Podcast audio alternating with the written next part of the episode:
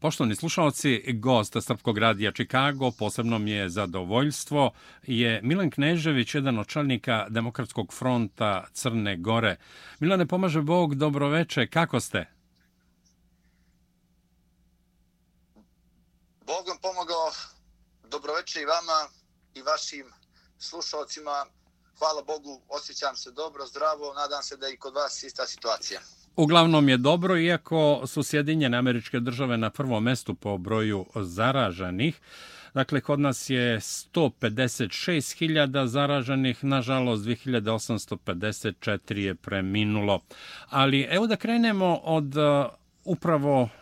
rekao bih, vesti koja je stigla u sve medije, ne samo u Crnoj Gori, nego, evo, rekao bih, stigla je i do nas. Danas je nacionalno koordinacijono telo na čijem je čelu famozni ministar Milutin Simović doneo odluku o zabrani kretanja u Crnoj Gori od 19 časova do 5 sati ujutru radnim danima. Demokratski front je imao, čini mi se, konferenciju za štampu, pa je saopštio da je ovom zabranom kretanja ozvaničena diktatura Mila Đukanovića. Pored toga, danas ste saopštili i da glad kuca na vrata Crne Gore. Molim vas da komentarišete. Tako, mi smo ekspresno reagovali jer je nacionalno koordinacijono tijelo neustavno izabrano i neustavno djelujućih svih ovih nedelja danas najavilo i ulazak Crne Gore u diktaturu bez proglašenja varednog stanja. Donili su uredbu o zabrani kretanja građana Crne Gore radnim danima od 19 časova do 5 ujutru i vikendom od 13 časova do 5 ujutro. Znači, mi smo jasno ukazali da se radi o neustavnoj uredbi kao i prethodnim neustavnim uredbama koje su se donosile, koje je premijer Duško Marković objasnio i obrazložio da ne tražimo sad pravne finese u trenutku kad se borimo sa nevidljivim neprijateljem i kao posljedicu toga čini mi se da je ovaj e, koronavirus u Crnoj Gori dobrodošao da bi se ozvaničila i definitivno diktatura. Naime, po ustavu Crne Gore neophodno je bilo da predsjednik države Milo Đukanović dođe u Skupštinu Crne Gore da objasni i obrazloži predlog za uvođenje varednog stanja, da Skupština izglasa varedno stanje, a da tek onda se otpočne sa ovakvim i sličnim uredbama. Ne uvodeći varedno stanje, režim na čelu sa Milom Đukanovićem u stvari pokušava da nas navikne na neko kontinuirano neformalno vanredno stanje u kojem će se donositi različite uredbe navodno za zaštitu zdravlja građana Crne Gore, a u stvari nas pripremaju za jedan dugoročan vremenski period u kojem će se donositi i neke druge uredbe, a imaće veze sa očuvanjem vlasti Mila Đukanovića. Također smo tražili da nam se saopšte i koje ekonomske mjere planira država da preuzme i sprovede u ovom trenutku i nakon što se proglasi kraj pandemije, jer mi smo kršeći ustav, kad kaže mi mislim na crnogorski režim za predsjednika nacionalnog koordinacijnog tila, izabrali čovjeka koji je ministar poljoprivrede, iako je to trebalo da bude neko iz ministarstva zdravlja, epidemiolog ili doktor koji se bavi zaraznim bolestima. Mi smo izabrali čovjeka koji je poznat po tome da je magistrirao na vađenju krtole prije kiše. Znači, nas u ovom trenutku bukvalno tretiraju kao krompire ili krtolu, koja će se vaditi ili se neće vaditi u zavisnosti od procjene Milutina Simovića uz pečat Mila Đukanovića. I mi kao najjači opozicijani savez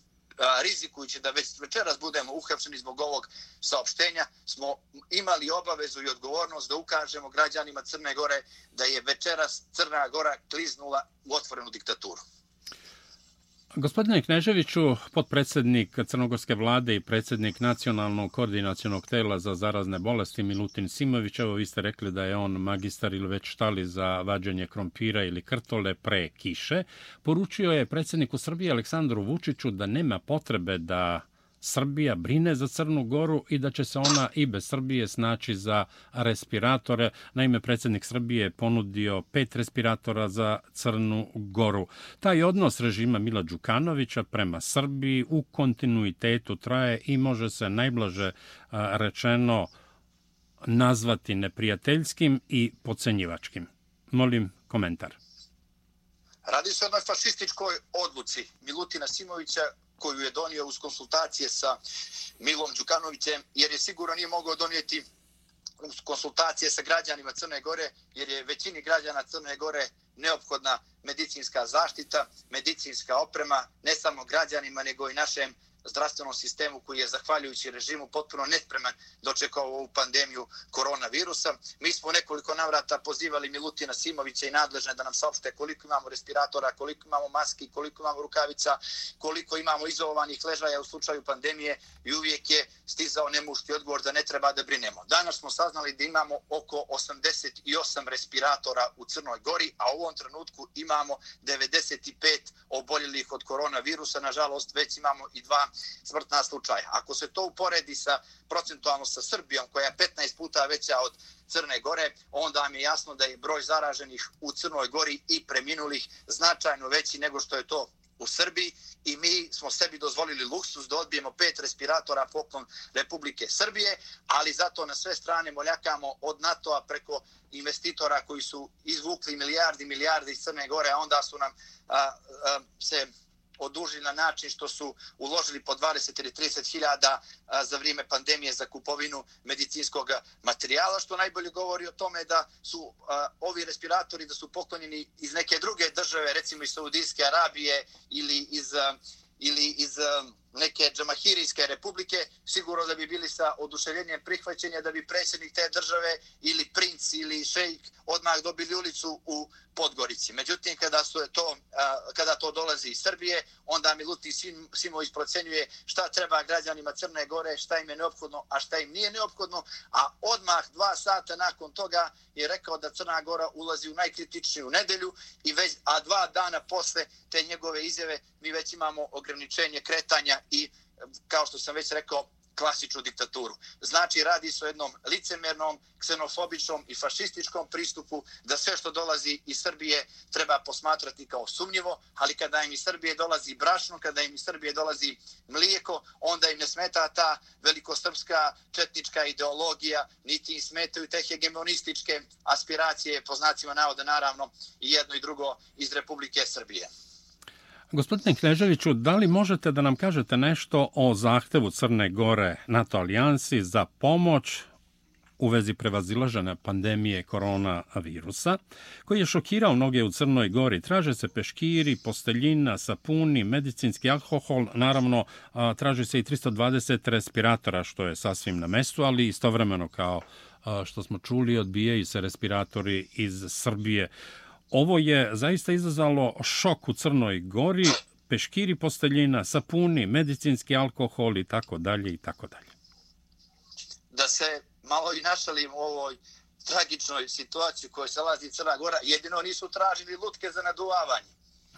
da, da, da. Je očigledno ovo što se tražilo od NATO predstavlja jasnu nemoć i, i posljednji ropac crnogorskog režima i nažalost crnogorskog zdravstva gdje ja iskazujem veliku zahvalnost i čestitam svim medicinskim radnicima koji bukvalno se goloruki 24 časa bore sa ovom pandemijom koronavirusa, ali najbolje govori o tome kako je režim i kako je država ulagala u naš zdravstveni sistem. Sa druge strane, odbijamo pet respiratora od, kao poklon od Republike Srbije, a onda tražimo posteljinu, tražimo peškire, tražimo sapune, tražimo sve ono što bi jedna normalna država trebala da ima ili ili u robnim rezervama ili bi morala da to planira u svom, u svom zdravstvenom budžetu. Međutim, jasno je da su naši tajkuni, naši kriminalci i a, te mafijaške strukture okružene Đukanovićem gledale da sve izvuku iz Crne Gore, gledale su da je opustoše i da je bukvalno privatizuju i oni sigurno ne treba da brinu da li će njima faliti, jer on, vjerujem da svaku u svojim kućama od njih ima po jedan respirator, zlu ne trebalo da ima i epidemiološke rukavice i maske, dok naši ljekari, dok naše medicinske sestre i ostali zdravstveni radnici, bukvalno bez epidemioloških maski, bez ikakve zaštite liječe najteže pacijente. Zato smo mi već i predložili da oni ljudi koji su se a, za vrijeme ove pandemije i ove borbe protiv koronavirusa pokazali nedostajim obavljanje funkcije kao što je to ministar Hrapović, treba samo da prodaju dio neke svoje imovine. Recimo, cijerka ministra Hrapovića se je proslavila na Instagramu pokazujući svoje torbice, Chanel, Gucci, Versace, Armani i svoju garderobu koja prelazi sigurno neki 50 ili 100 hiljada evra vrijednosti, a to je pet respiratora recimo onih pet respiratora koje su vraćene od Republike Srbije ili recimo Đukanović čija je porodica bukvalno privatizovala čitavu Crnu Goru koji ima banke, koji ima univerzitet, koji ima a, naftne kompanije, koji ima vjetroelektrane, nije uložio ni jedan jedini cent u boru protiv pandemije, pa bi on recimo možda mogao za početak da proda više svojih skupocenih satova, čija je prosječna vrijednost 50.000 evra i mi ne bismo imali problema makar sa respiratorima. Jer u ovom trenutku imamo veći broj oboljelih nego što imamo respiratora u Crnoj Gori. Zato ovaj poziv NATO uopšte i ne čudi. Ja vjerujem da su zgroženi u NATO, bez obzira što sam ja bio protiv učlanjenja Crne Gore u NATO. Čini mi se da sad oni koji su ih primili čupaju kosu i kukaju šta nam je trebala Crna Gora u NATO kad nemaju ni peškire, ni posteljinu, ni jastuke, ni jastučnice, niti osnovnu, osnovna medicinska sredstva za boru protiv ovako, ovakve jedne epidemije. Osim toga, vidjeli ste da taj NATO nije uspio da pomogne ni Italiji, niti uspio da pomogne Španiji, niti uspio da pomogne Njemačkoj. Nažalost, desilo se i u Sjedinim američkim državama velika epidemija gdje umire veliki broj ljudi, gdje je veliki broj ljudi zaražen. Jasno je kakvu pomoć Crna Gora može u ovom trenutku da očekuje od NATO saveza kad NATO članice su se, što se kaže, o svome jedu zabavili i gledaju da, da se same izvuku iz ovoga zla koje je zadesilo čovečanstvo. Gospodine Kneževiću, kad pominjete Italiju, potpredsjednik italijanskog parlamenta spakovao je zastavu Evropske unije u svom kabinetu i poručio možda se vidimo kasnije. Bivši premijer Italije, odnosno vlade Italije, Matteo Renzi, saopštio je da u Italiji ima u stvari 12 miliona zaraženih od koronavirusa. Inače, zvaničan podatak je 101.739 zaraženih, ali 11.591 preminulih. Kako vi, kao poslanik u Skupštini Crne Gore, gledate na ovo što je rekao i Mateo Renci, ali i podpredsednik italijanskog parlamenta koji je spakao, spakovao zastavu Evropske unije? Ono što je sasvim jasno, evropska solidarnost je mrtva. Znači, ona je sahranjena u Italiji, sahranjena je u Španiji, čak znači države koje predstavlju zajedno sa a, Njemačkom i zemljama Beneluxa temeljem Evropske unije, nisu mogle da se izbore sa ovom pandemijom, niti su mogle da stvore neki fond solidarnosti u ovom trenutku. Najbolje govori o tome šta mogu da očekuju one države koje tapkaju u mjestu čekajući da dobiju poziv za učlanjenje u Evropsku uniju. Ja nisam a, euroskeptik, zagovaram a, vrijednosti Evropske unije, zagovaram da je Crnoj Gori mjesto u Evropskoj uniji, ali kad vidite ove scene sad u Italiji, kad vidite ove scene u Španiji i Njemačkoj, čini mi se da će Evropska unija pretrpjeti velike izmjene nakon što dođe do kraja ove pandemije, će se sočiti sa velikim ne samo ekonomskim nego i političkim ideološkim izazovima jer je Italija bukvalno ostavljena na cjedilu i nije u stanju da se izbori sa ovom pandemijom, a po nekim rezultatima koje mi ovdje imamo priliku da pročitamo, a, otprilike se predviđa da 70% svake države u Evropi stanovništva bude zarađen, zaražen ovom epidemijom koronavirusa, što značajno ide u pravcu ovoga što ste vi saopštili da i što je sopstio Mateo Renci da je 12 miliona italijana u ovom trenutku zaraženo od koronavirusa. Dakle, čini mi se da je Europska unija pala na testu, čini mi se da Europska unija nema snage da se izbori sa ovom epidemijom i mislim da je neophodno jedno veliko, veliko redefinisanje kada dođe kraj ove pandemije. A gospodine Kneževiću, samo da se vrati malo unazad, pomenuli ste takozvane donatore medicinske opreme za Crnu Goru, pa sam upravo dobio poruku od e, Duška Kneževića, vlasnik Atlas grupe, koji je na svom Instagram profilu objavio Stop za Srbiju, a vlada Crne Gore zahvaljuje se Milovim partnerima koji su dali donaciju Statisu Petrosu, Polu Puji, Ranku Uboviću, Aleksandru Mijajloviću i Zaksiju Šina Vatri. Ko su ti ljudi, ko su ti partneri Mila Đukanovića? Taksi Šina Vatra je odbjegli premijer Tajlanda za, ki, za kojim je raspisana crna Interpolova potjernica i koji je dobio ekonomsko crnogorsko državljanstvo, platio ga je 100.000 evra. On je kućni prijatelj Mila Đukanovića i čovjek koji je bio na svadbi njegovog sina koja je, organizovala, koja je organizovana u, u septembru mjesecu na e, Miločarskoj plaži. Pol Pua eh, se eh, vodi kao član kineskih trijada i čovjek koji je ovdje uveo ilegalno kockanje i kockarnice u Crnoj Gori, jedan je od glavnih investitora po znacima navoda a, re, a, Demokratske partije socijalista i crnogorskog režima, a za ovog trećeg gospodina nisam nisam čuo, ali prepostavljam da je sličnog profila kao i ova dvojica, čim a, im se vlada javno zahvaljuje. A što se tiče ovoga Ranka Ubovića, to je čovjek koji stoji iza firme Bemax, znači državne firme, koja je dobila stotine miliona evra građevinskih ugovora, firme koja nezvanično finansira i košarkaški klub Budućnost, firme za koju, a, koju, koju vezuju za takozvani klan iz Granda i firme za koju vezuju i Milana Roćena, doskorašnjeg savjetnika Mila Đukanovića, a mislim da je sad također dobio neku novu funkciju nakon kongresa Demokratske partije socijalista. Mislim da je sad predsjednik političkog savjeta koji se proslavi onim telefonskim razgovorima sa svojim raskošnim vokabularom, intelektom i duhovitošću. Znači, to su ljudi koji su od Crne Gore uzeli sve posebno recimo ova firma Bemax koja je dobila stotine i stotine miliona evra od države, a onda uplati 50.000 evra ili ovaj Petro Statis koji je bio vozač jednog grčkog biznismena i koji mu je na preveru oteo svu imovinu, a sada je vlasnik režijskih glasila, dnevnih novina i pobjede i portala CDM koji je učestvovao u fiktivnom, u fiktivnom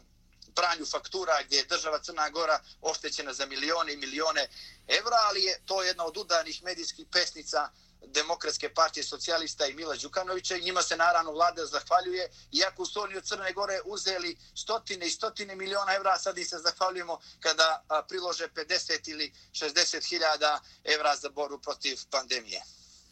Gospodine Kneževiću, vi ste poslanik Crnogorske skupštine. Skupština, da napomenemo, ne radi. Ona je raspuštena zbog pandemije koronavirusa, a od srede ste u kućnom pritvoru. Pored toga, da napomenem da je Nebojša Medović također jedan od čelnika Demokratskog fronta